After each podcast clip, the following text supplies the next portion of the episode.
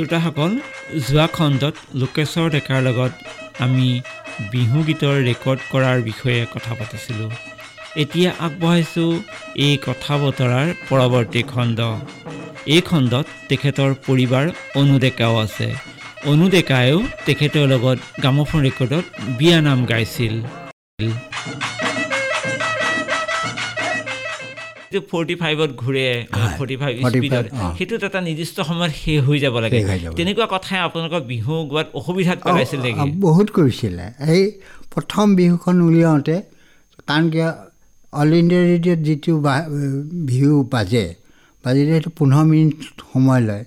তেতিয়া মোৰ লগত ডিছকাছ কৰিছিলে ইঞ্জিনিয়াৰ যে আমিতো পোন্ধৰ মিনিট আঢ়ৈ মিনিট আঢ়ৈ মিনিট দুই পিঠি পাঁচ মিনিট হয়। গ'লে বোলে মই তেতিয়া ক'লোঁ যে ই পি কৰিলেই হ'ল থাৰ্টি ফৰ্টি ফাইভেই এক্সটেণ্ডেড প্লে এনেই এক্সটেণ্ডেড এই স্পীড মানে চাৰিটা গান থাকে তেতিয়া বোলে দুটাই হ'ব। তেওঁলোকে তেতিয়া কৈছে দুটা গান চলি যাম বোলে চলোৱাটো মোৰ দায়িত্ব। আপোনালোকে কৰিব পাৰিব নোৱাৰে সেইটোহে লাগে। বোলে আমি কৰি দিম। কিন্তু এতিয়া সময়টো যে আপোনালোকৰ বেছি সেইটো কেনেকৈ কি কওঁ তেতিয়া ইঞ্জিনিয়াৰৰ লগত মোক কথা হ'ব দিলে। যিজন তেওঁলোকৰ হেৰি ৰেকৰ্ডিং মেনেজাৰ আছে তেওঁৰ লগত আলোচনা হ'লেও হৈ গৈ প্ৰথম ৰেকৰ্ডখন বিহু আনন্দীয়া বিহু বিনন্দীয়া দেহীয় পেটৰীজনে সেই ৰেকৰ্ডখন কিন্তু তেৰ মিনিট। দুই মিনিট কমাইছে আৰু।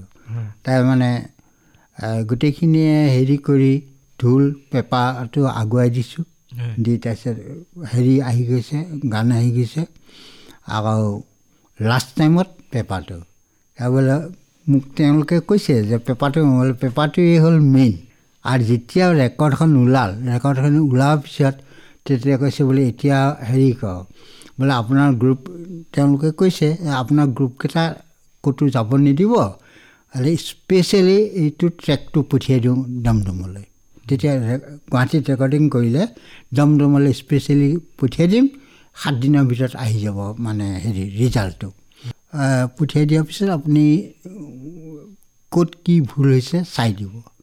তাৰ তেওঁ সেইটো স্পেচিয়েলিকৈ তেওঁ ইয়াৰ প্লেনত পঠিয়াই দিলে ট্ৰেকটো পঠিয়াই দি ট্ৰেন্সফাৰ কৰিলে ডিচলৈ ডিচলৈ ট্ৰেন্সফাৰ এপিটি এপিটি কৰি পেলাই পঠিয়াই দিছে মোলৈ যে হ'বনে নহয়। বোলে হ'ব মই শুনিলোঁ। আকৌ ইয়াতে আহিব যেতিয়া আকৌ অফিচত শুনিলোঁ শুনি পেলাই বোলে হ'ব বোলে আপুনি হেৰি কৰক। তাৰপিছত তেতিয়া ক'লে বোলে ৰিলিজিং বোলে এটা কাম কৰিব। ৰিলিজটো আপোনালোকে পূজাত তেতিয়া পূজাৰ ৰেকৰ্ড ওলায় বেংগলী। পূজাৰ এইটো মানে সেইটো স্পেচিয়েলি ওলায়। বোলে মোৰ ৰেকৰ্ডখন পূজাতে দি দিব। বোলে পূজাত দিলে কি হ'ব? চেল হ'ব। চেল নহওক হওক নহওক কিন্তু ওলালে আমি মাঘৰ বিহুটো পাই যাম। তাৰপিছত বহাগ বিহুটো পাই যাম। কাৰণ বিহু ৰেকৰ্ড যেতিয়া গতিকে পপুলাৰ হৈ যাব। এনেকৈ কোৱাত আৰু ঠিক সেইমতেই গ্ৰামফোন কোম্পানীয়ে পূজাতেই দি দিছে। যি কিবা ডিলাৰে মোক জানে। তেওঁলোকে অভিনন্দন জনাইছে যে আপুনি যে এখন এৰেঞ্জ কৰিছে। বোলে ভাল পাইছোঁ। প্ৰত্যেকেই মানে আমি জানো যে গ্ৰামোফোন ৰেকৰ্ডত গীত গালে বা কেছেটত গীত গালে ৰয়েলিটি পায়। হয়। আপুনি কিমান কিমান বছৰলৈকে ৰয়েলিটি পালে বাৰু? মই এইট্টি থ্ৰীলৈকে পালোঁ। এইট্টি থ্ৰীলৈকে। এবাৰত কিমানকৈ পাইছিলে আপুনি অনুমান? মানে কোনোবা বাৰ তিনিমাহে তিনিমাহে তেওঁলোকে দিয়ে। কোনোবা বাৰত পাঁচশ কোনোবা বাৰত পোন্ধৰশ কোনোবা বাৰত সাতশ কোনো হেৰি নাই।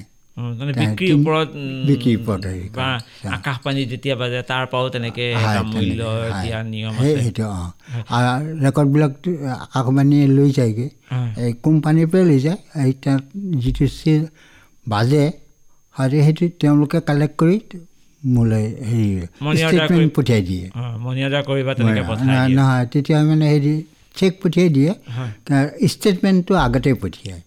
তাৰপিছত তিনি মাহৰ মূৰত বা ছমাহৰ মূৰত চেকখন দি দিয়ে। হয় তেতিয়া আপুনি খুব সুন্দৰকৈ অকণমান তেতিয়া পাঁচশ ছশ টকাটো বহুত টকা। বহুত টকা।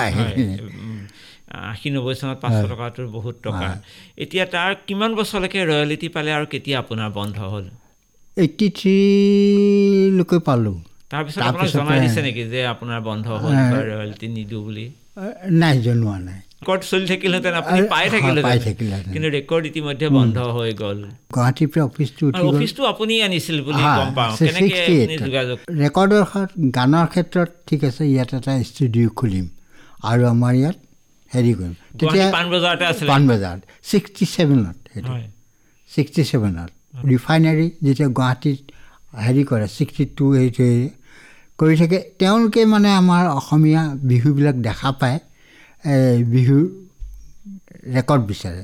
কিন্তু ইতিমধ্যে মানে বেংগলী ফক চং আছে পাঞ্জাবী ফক চং আছে এই মাৰাঠী এইবিলাকৰ চবৰে আছে। তেওঁ ক'লে অসমীয়া নাই নেকি? বোলে অসমীয়া নাই। তেতিয়া মানে বেয়াও লাগে। তেওঁলোকেতো বুজি নাপায়। কিন্তু কথাটো হৈছে কি তেওঁলোকে বিচাৰিছে কোনটো? গগনা টেপা ঢোল এই বস্তুটো নাই। সেইটোৱে আকৰ্ষণ কৰিছে। পেপাৰ এইটো সেইটোকে বিচাৰে কিন্তু সেইটো যেতিয়া ৰেকৰ্ড নাই তেওঁ কয় বোলে কিয় নাই? অসমত এইটো ইমান ভাল বস্তু আছে।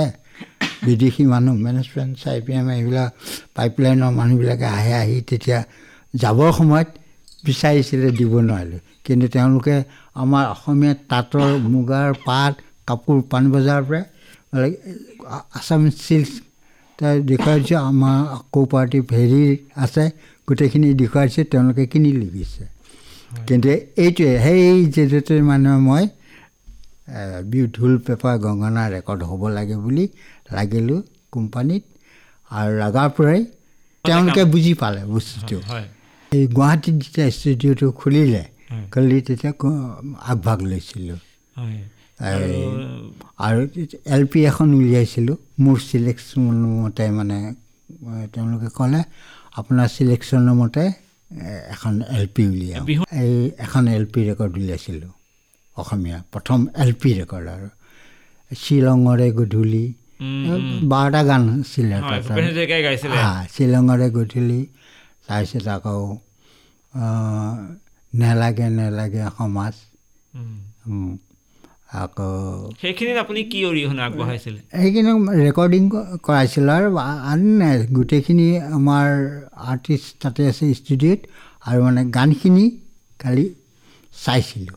এনেইতো এইবিলাক ই পি এছ পি ৰেকৰ্ডো আছিলে কিন্তু সেইখন স্পেচিয়েলি মানে চাউণ্ডৰ চাউণ্ডটো যাতে ভাল হয় আৰু হেৰি হয় সেইখিনিকে মই মানে আপুনি চাই দিছিলে। চাই দিছিলোঁ। হয়তো এইফালে গান গাই আছে আপোনাৰ লগত আৰু ভূপেন হাজৰিকাৰ বয়সৰটো এটা বহুত এটা বহুত তফাত আছে আপোনাক সৰু। হয় আপুনিতো বহুত সৰু। তথাপিতো আপুনি চাবলগীয়া হৈছে। আৰু তেখেতে ষ্টুডিঅ'ত থাকিলেতো ইফালে চাই দিয়া মানুহ নাই। আৰু তেখেতে কিন্তু যেতিয়া মানে ভূপেন হাজৰিকাই তেখেতে যেতিয়া মানে গানটো হয় আহি আকৌ গোটেইখিনি মানুহক লগতে বহিলে মাটিত বহিলে ডিছকাছ কৰে। কি কৰিলে ভাল ভাল হ'ব কেনেকৈ কি হ'ব?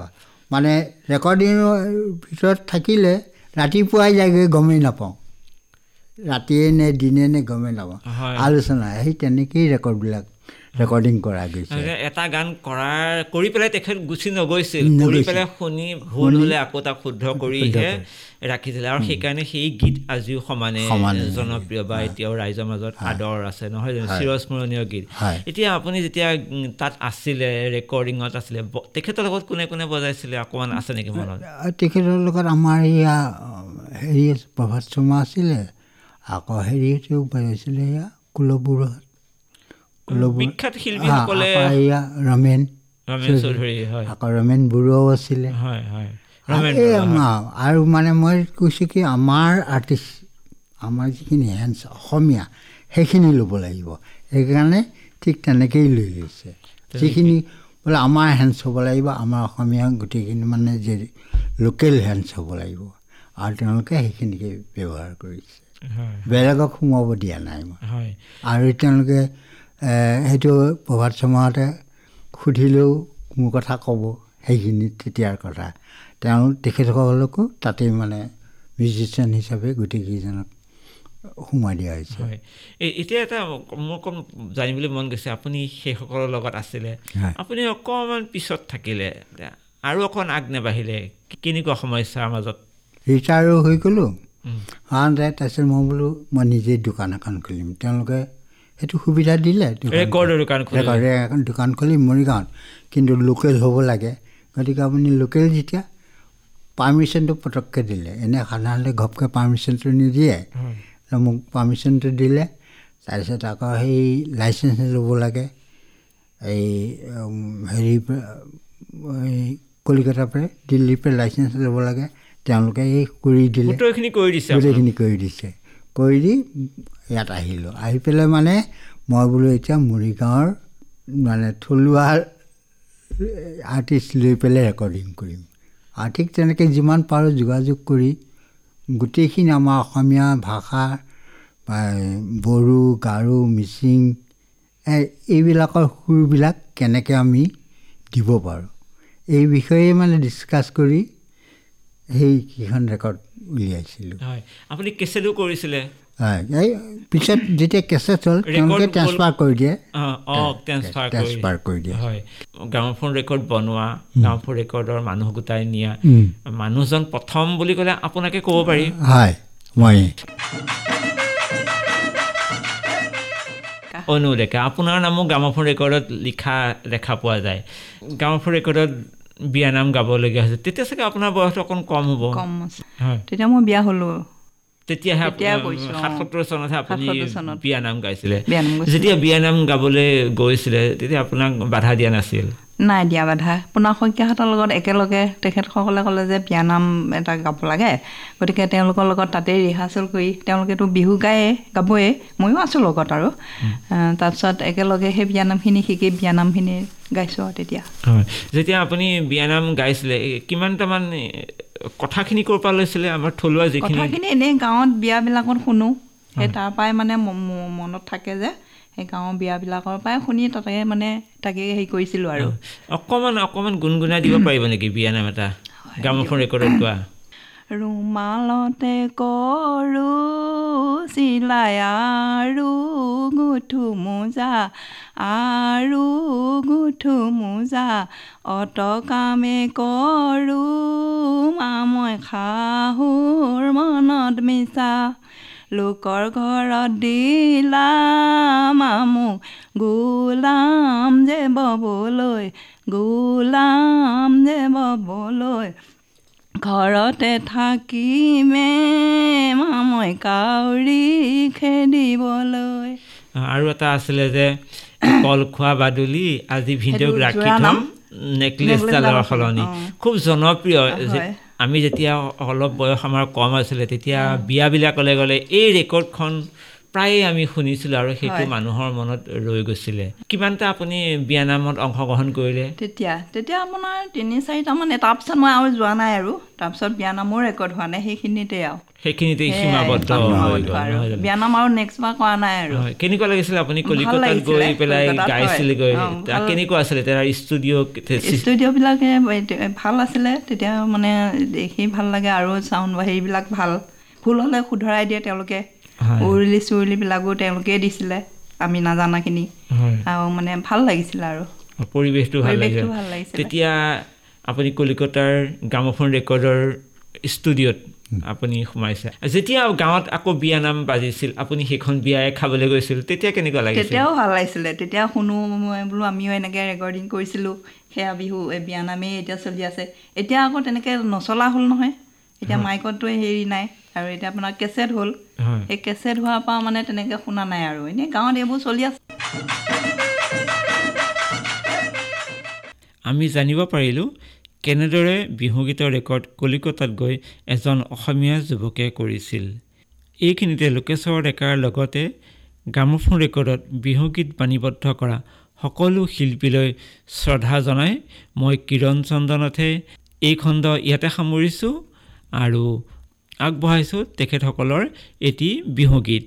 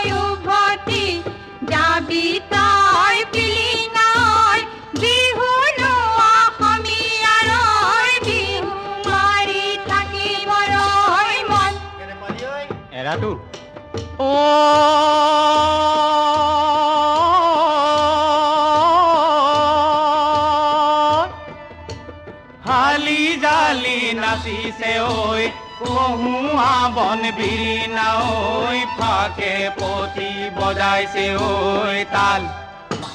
লা লা লাগনি বিৰিখে ঐ লাগিব যে নেপালে ঐ মোৰে সতে লাগিছে। ভালে ঐ মনুমতি নাচিব তই নেজানিলি চোতাল বুলি কলি ঐ লাহৰি ঐ ঢোলৰ চেও নেজানি ঐ কিয় যে থমকি ঐ নলি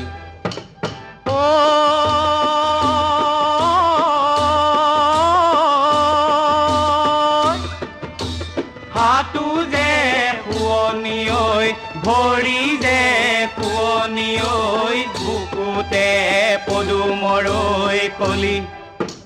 কা কা কাচুতি ৰিহাৰে ঐ কিমাননো ঢাকিবা ঐ আপুনি যে উঠিব ফুলি ঐ মনুমতি হাঁচতি যেন নানিলি ঐ বিহু যে মোৰ কৰিলি ঐ বাহি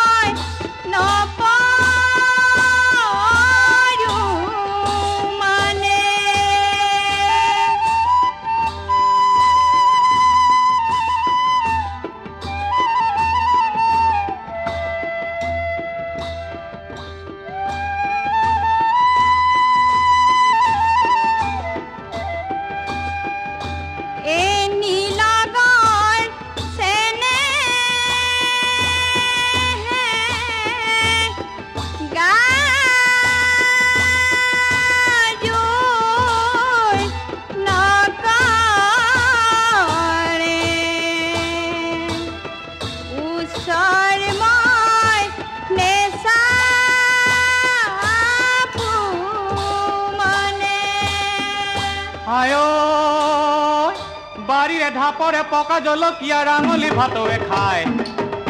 যোৱা গৈ লাহৰি গৈ এদিনে এবছৰ যায়। এই পদূলি মূৰতে বকুল ফুলে জুপি নিততি নিপাহি কৰে ঐ গোবিন্দাই ৰাম বিহুগীতটি শুনিলে পৰৱৰ্তী খণ্ডত আকৌ আপোনালোকক লগ পাম। নমস্কাৰ।